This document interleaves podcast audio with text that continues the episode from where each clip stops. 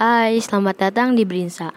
Ketemu lagi dengan gue Sofiana Kamila Putri. Di segmen kali ini gue bakal bacain cerita tentang sekte pemujaan setan dari Ed Devri SRC.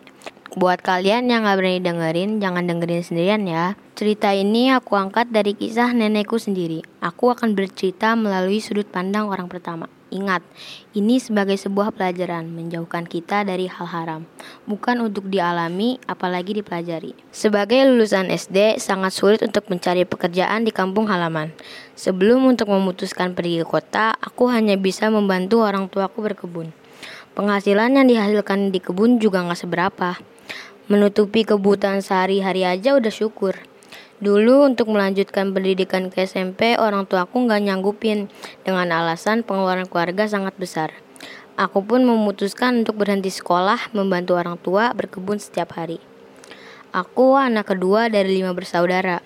Kakakku anak pertama, nggak bisa bekerja berat karena memiliki kekurangan. Anak ketiga juga tidak dapat berbuat banyak, Bahkan karena sering menunggak uang sekolah, akhirnya dia dikeluarkan dari sekolah dan sekarang sudah bekerja di salah satu warung sebagai pencuci piring. Anak keempat dan kelima kembar dan masih sangat kecil. Masih harus dipenuhi kebutuhan gizi mereka agar bisa tumbuh normal seperti orang biasanya. Karena ketika lahir, adikku yang kembar ini seperti busung lapar. Dari anak pertama dan ketiga, nggak ada yang berhasil di dunia pendidikan karena terbatas biayanya. Begitu juga dengan aku. Dengan keadaan ini membuat aku kepikiran buat ngerantau, mengadu nasib di kota dengan harapan bisa menyekolahkan adikku nantinya. Pada malam Sabtu, aku berbicara dengan kedua orang tuaku. Bu, Pak, aku mau ngomong. Mau ngomong apa? Sahut bapakku yang berada di belakang ibuku. Aku mau ngerantau ke kota, ucapku pelan. Apa yang kamu omongin kak? Kamu itu anak perempuan. Di kota sana berbahaya, kata ibuku seperti tidak setuju. Kalau merantau mau ke mana? Kamu mau tinggal di mana kak? Tinggal sama siapa? Tambah bapakku. Aku pun terdiam dengan perkataan mereka. Ada benarnya juga, tapi masa aku harus hidup kayak gini terus? Kapan aku bisa hidup lebih baik kalau di kampung ini terus? Gimana kehidupan ke depannya nantinya? Keesokan harinya seperti biasa, aku dan ibuku bekerja di kebun orang. Sedangkan bapakku bekerja di kebun kami, membersihkan rumput pada sayuran yang sudah berumur seminggu. Di kebun, aku bertemu dengan Lina, sahabatku dari kecil. Kami seumuran dan senasib dunia pendidikan. Lina datang dengan ibunya, bekerja juga sama seperti aku dan ibuku. Hari pun mulai siang, badan yang sudah letih, keringat yang sudah bercucuran, begitu juga dengan perut yang sudah keroncongan. Malina makan dulu yuk ke pondok, teriak ibuku. Kalau sudah ada teriakan seperti ini, biasanya aku dan Lina langsung mengikut ke pondok. Makan siang seadanya dengan lauk tahu tempe goreng. Setelah makan siang, terlintas di pikiranku tentang merantau ke kota. Coba aku ajak Lina saja, siapa tahu dia mau. Gumamku dalam hati, sambil memikirkan bagaimana cara mengajak Lina. Setelah itu, ibuku dan ibu Lina melanjutkan pekerjaan. Aku dengan alasan masih kekenyangan, mengajak Lina untuk tetap di pondok dulu. Lin, kamu capek nggak kerja gini terus? Kataku sambil menatap jauh di sekitarku.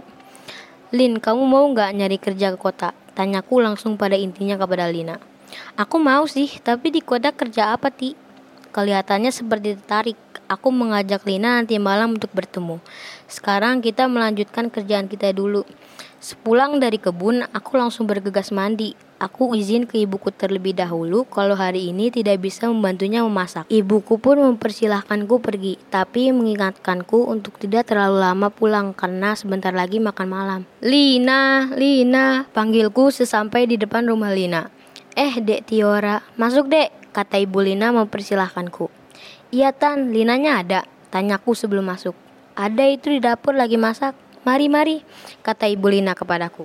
Sembari membawaku ke dapur, Ibu Lina membuatkan teh hangat untukku.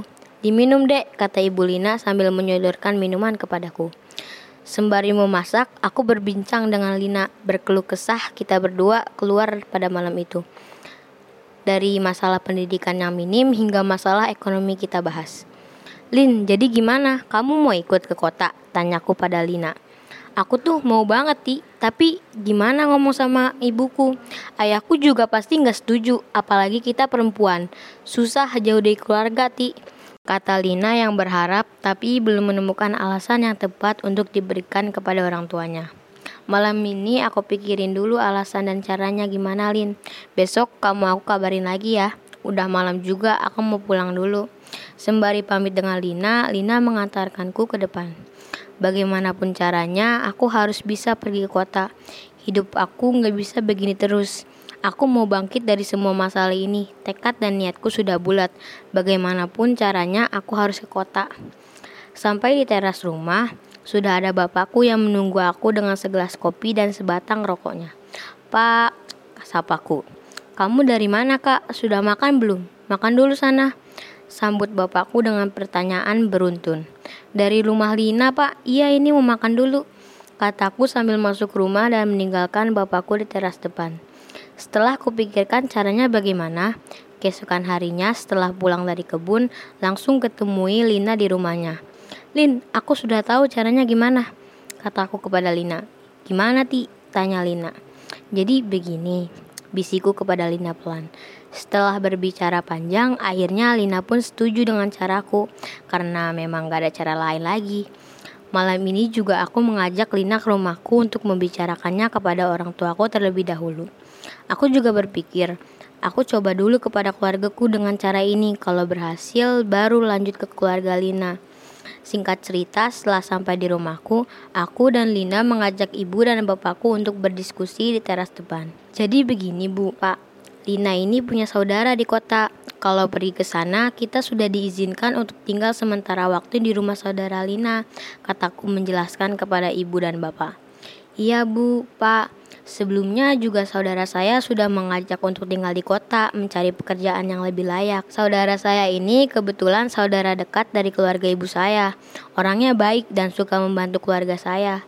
Sambung Lina meyakinkan ibu dan bapak. Kalau sudah ada tawaran begitu, ibu nggak apa-apa kalau kamu mau pergi ke kota. Syukur kalau kamu mau bantu keluarga kita. Tapi ingat, kamu juga harus jaga diri di kota. Kata ibuku berpengharapan kepada anak perempuannya ini. Yo, kalau ibu sudah mengizinkan dan ada yang mau menolong kalian, syukur kalau gitu. Tapi bapak ada syarat, kata bapakku memberi tanggapannya. Apa itu pak? Kataku penasaran. Ingat keluarga di kampung, kalau kamu ada masalah, cepat pulang biar bapak bantu kamu nyelesain masalahnya. Jangan dipendam sendirian ya kak, kata bapakku. Iya pak, jawabku lega. Kapan toh kalian berangkat kak? Tanya ibuku. Besok pagi bu, jawabku mau meneteskan air mata. Yowes kalau gitu. Lina sudah izin nak dengan orang tua? Tanya bapakku kepada sahabat kecilku itu. Sudah pak, sudah diizinkan, kata Lina terputus seperti gugup. Benar, tanya bapakku yang ingin mendapatkan jawaban yakin dari Lina. Iya pak, jawab Lina.